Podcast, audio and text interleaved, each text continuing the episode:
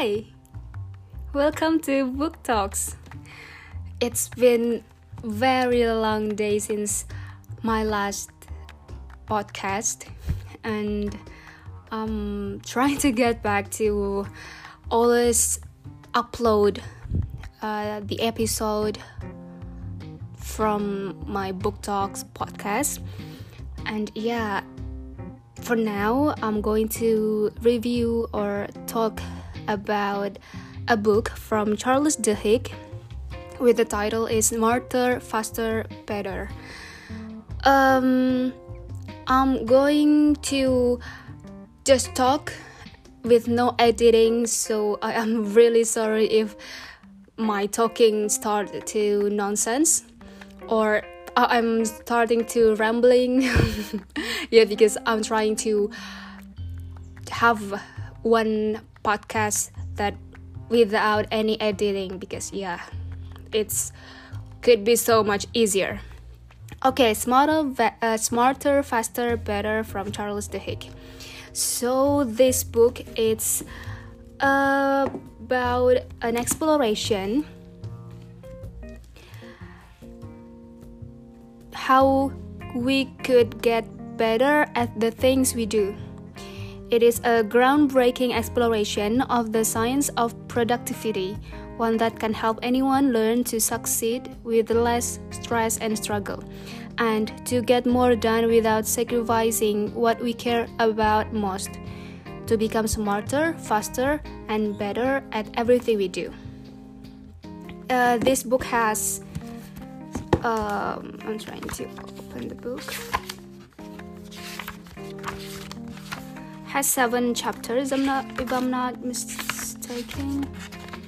Oh, eight chapters. The first is motivation. Then the second is themes. Then focus. Then goal setting. Then managing others. The sixth is decision making. The seventh is innovation, and the last is about absorbing data. From my experience, it uh, this book is really good, um, giving so many things I need, and uh, moreover with the story, with the real story of um, every uh, with the story for every chapter for every condition in real life. Um, that's why the first uh, describe about this book is about science exploration for being more productive. Yes, and I will review from from the first chapter. It's about motivation the motivation our motivation come from uh, this striatum it is a part of our brain where motivation comes from. If we don't have this uh, or if if uh, this part is broken people could be lost um, motivation for doing other things. They just couldn't understand why they um, lost interest even for or even for the things they love the most and I want to highlight how we could motivate ourselves by being focused or to fo- focus is how we pre- uh, prevent the striatum in our brain is broken. So, um, internal locus control as is the people with the skill that could self motivate. It's not easy, but if we have this uh, internal locus control, it could be saving us in any condition. People with this skill tend to praise or blame themselves for success for success or failure. rather than assigning responsibility to things outside of their influence.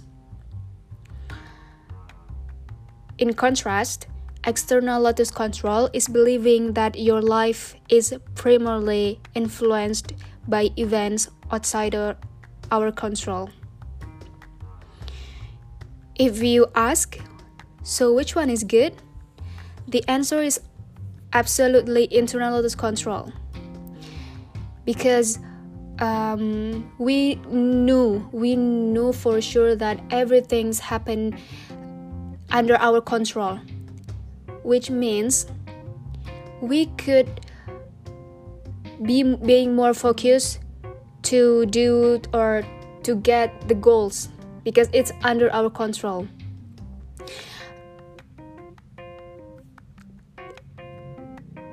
Telling students they have worked hard has been shown to activate the internal locus control of the students because work hard is something we decide to do and reinforced their belief that they have control over themselves and their surroundings.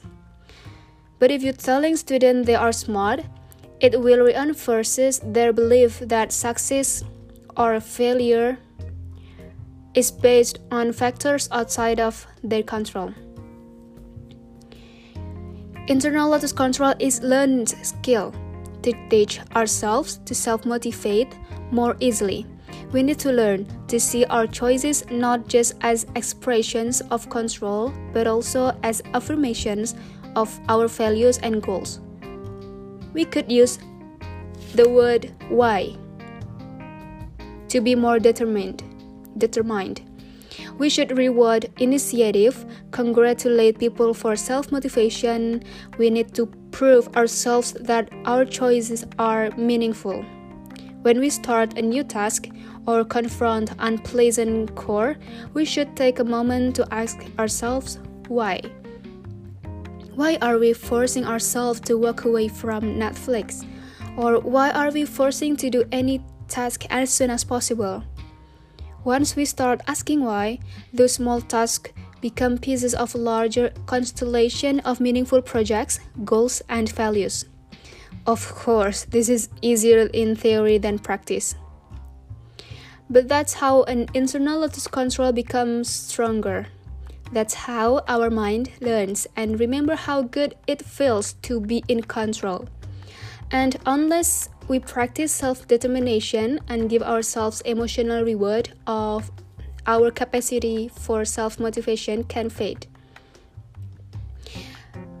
But uh, having internal control uh, where we could control the things under our control it's not for all the things it's like um, there is a sentence who says just focus on the things that you can control. Yes i do agree with that.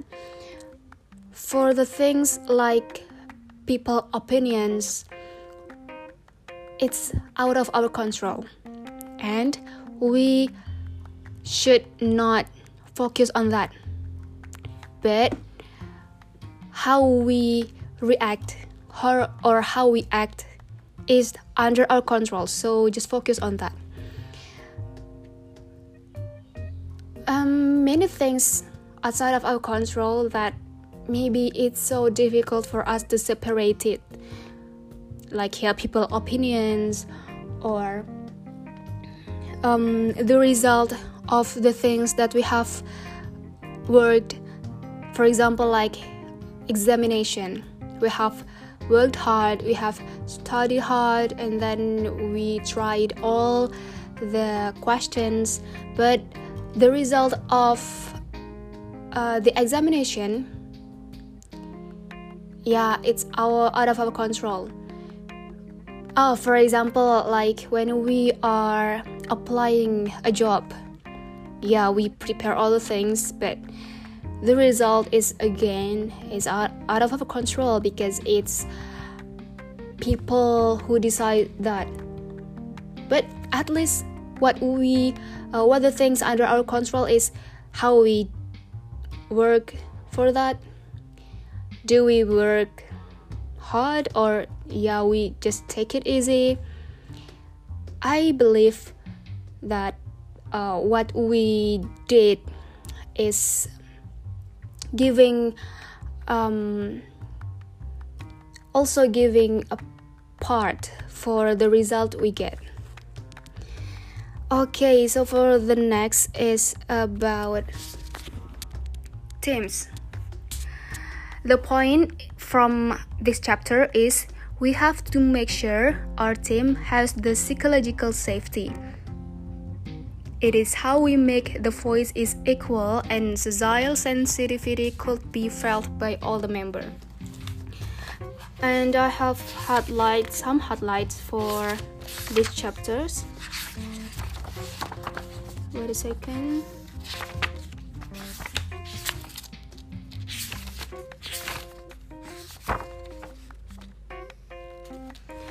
Uh, phys- uh, psychological safety is a shared belief held by members of team that the group is a safe place for taking risk.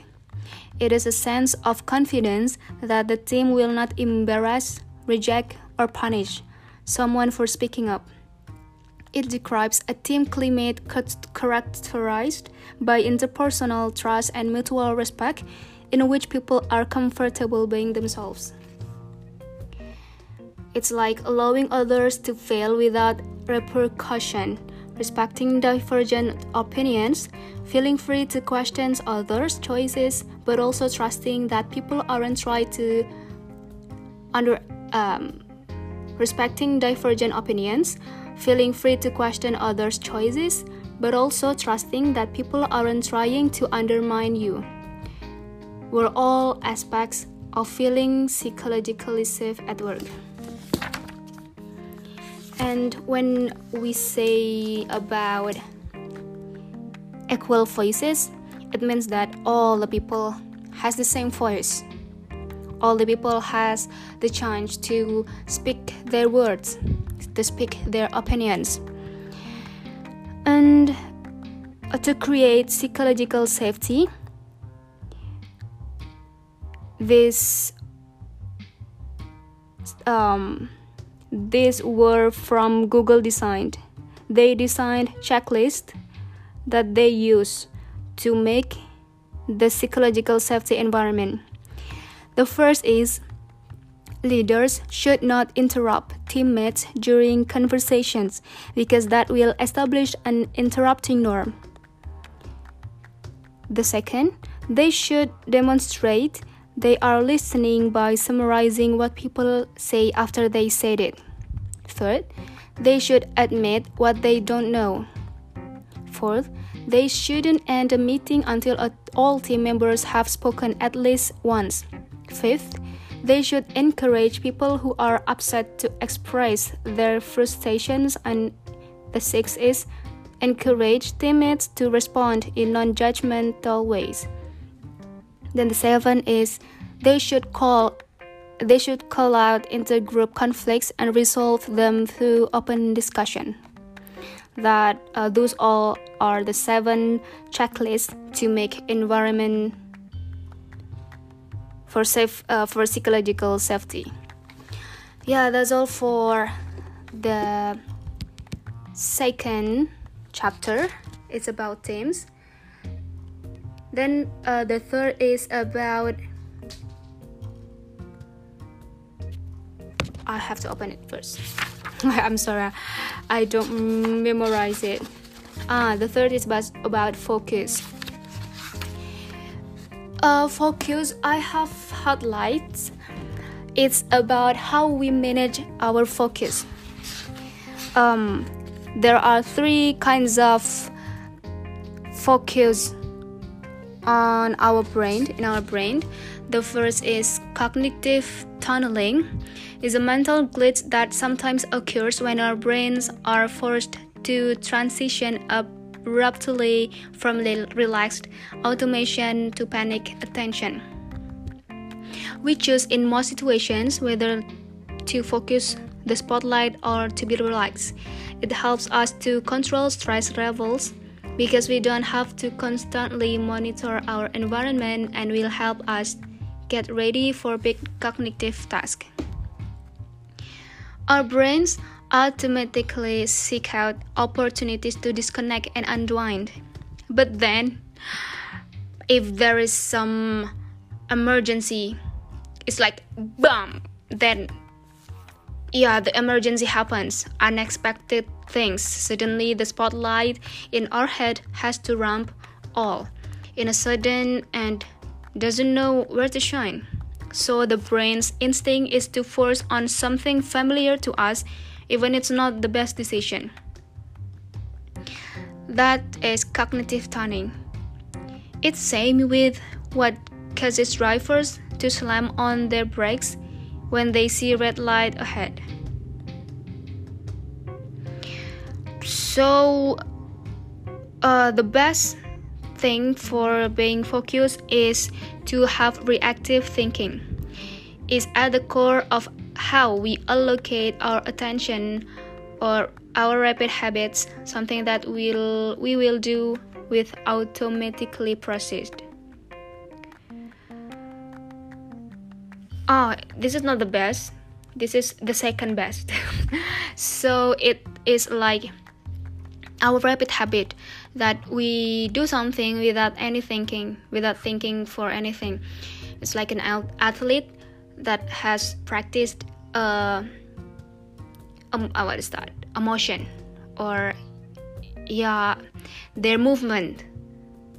It's like an athlete or a dancer that has been practiced for so many times for their movement. Then when something happened um, they could directly move without any thinking move like what they what they practiced. It's like reflect yes it's like like that. So the best point for being focused is to have mental models. It is a reaction based on the process thinking, then based on the data and the information we prepared for. It needs practice and not easy to do, but it will help us to choose where to direct our attention so we can make decisions rather than just react. If reactive thinking, we just react based on what we practiced. But if we have mental models, we react, but it based on the decisions, based on how we finally choose how we want to react. It is based on the data. It's like um, this chapter has a story. There were two kind of pilot. The first pilot just have reactive thinking. So oh no no. The first the first pilot is just having um, what is that? The first uh, cognitive tunneling. So when um, there was an accident the machine or a what is that? The board of uh, the plane is not working. The plane there was something there was something wrong with the plane and the board uh, didn't give any information. So because the pilot is uh, the pilot was just having cognitive tunneling, they were panic. The pilot was panic. The pilot and the co-pilot they didn't know how to react so they just um, did anything that they tried to do so many things but not based on the data because they brain uh, couldn't thinking of anything so yeah finally that plane was crashed and yeah they were not safe so the second pilot is the pilot who has the mental models. He knew really well about the plan, about what what is the worst case is, uh, what the worst case is then he knew what the steps if uh, there is something wrong with the plan. So the second pilot before they um, before they fl- before their flight before their flight this pilot told to the co-pilot and his partner to have a, a simulation. They took some minutes to have the simulation of what the worst case how if the worst case happened.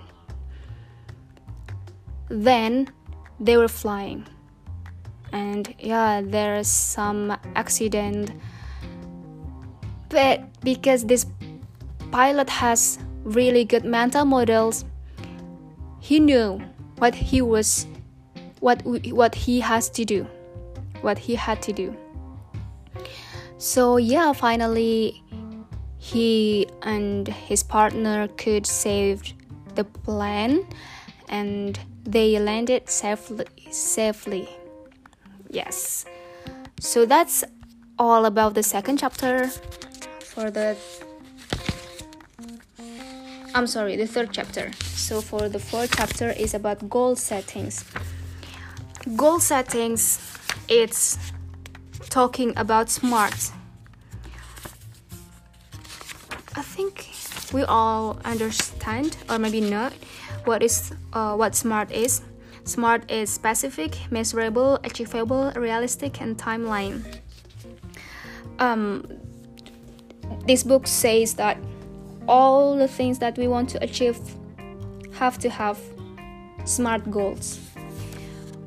What we want to do, it must be specific, and we could uh, measure it, and it could uh, we could achieve it. It's not like um, something out of our control. Uh, it's like we have to be realistic for achieving that.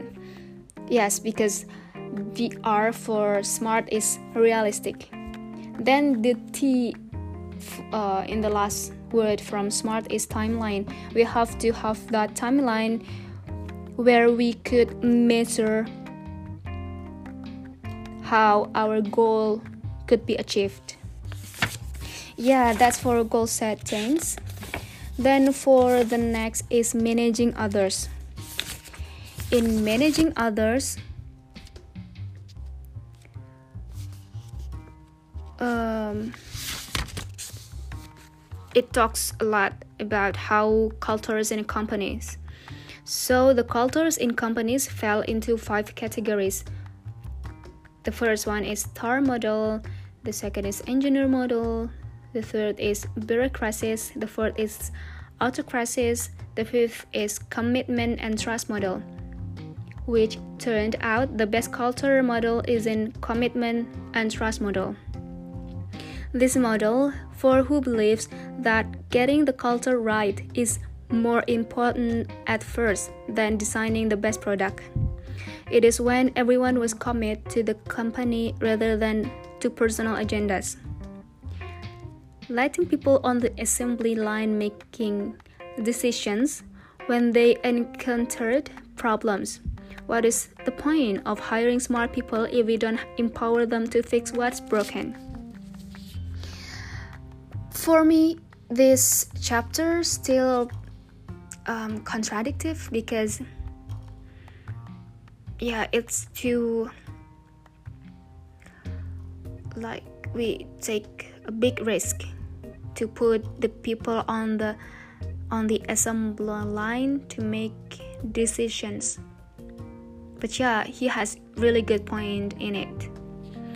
So the sixth chapter is about decision making. Uh, this chapter has lots of beautiful words.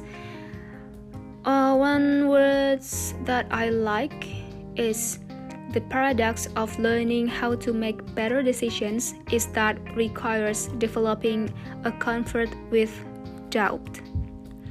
To think of the future not as what's going on to happen, but rather a series of possibilities that might occur. It taught us to envision tomorrow as an array of potential outcomes, all of which had different odds coming true. The future isn't one thing. Rather, it is a multitude of possibilities that often contradict one another until one of them comes true. We need to know the difference between what we hope will happen and what is more and less likely to occur. Sometimes we have to force to be honest with ourselves, even if part of that honesty is admitting there are things you aren't sure about. Being a great player means embracing uncertainty. As long as you're okay with uncertainty, you can make the odds work for you. We all have a natural proclivity to be optimistic, to ignore mistakes and forget others' tiny errors but making good predictions relies on realistic assumptions and those are based on our experience. If we pay attention to good news, we are handicapping ourselves. These are really good point for me. Then the seventh is about innovation. Uh, the important point here is this sentence Creativity is just connecting things. When people learn to pay th- to things, make them react and feel, we can create the conditions that help creativity to flourish. First, be sensitive to our own experiences. Pay attention to how make you think and feel. Second, recognize that the panic and stress you feel as you create isn't a sign that everything is falling apart. Rather, it's a condition that helps make us flexible enough to see, seize something new. Then the third is remember that the relief accompanying a creative breakthrough, while sweet can also blind us to seeing alternatives, it's critical to maintain some distance from what we create to so that the idea is not quickly crowded by the competitor.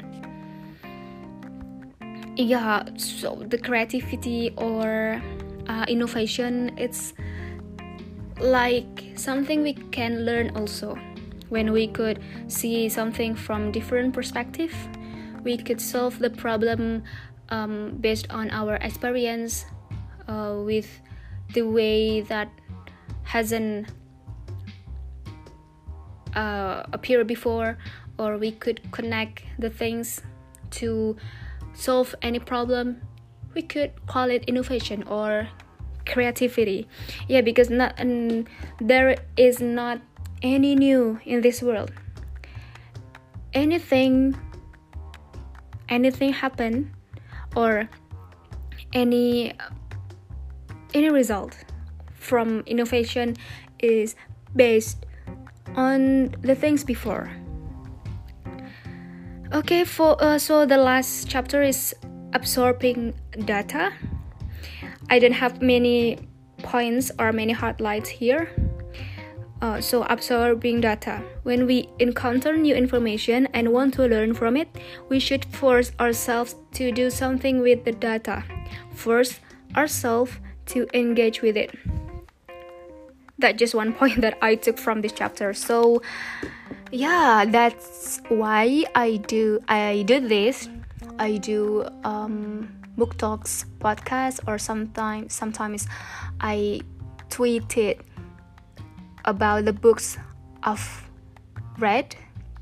It is because I want to absorb the data to be stronger in our mind because if I just read it, it could be gone so easily.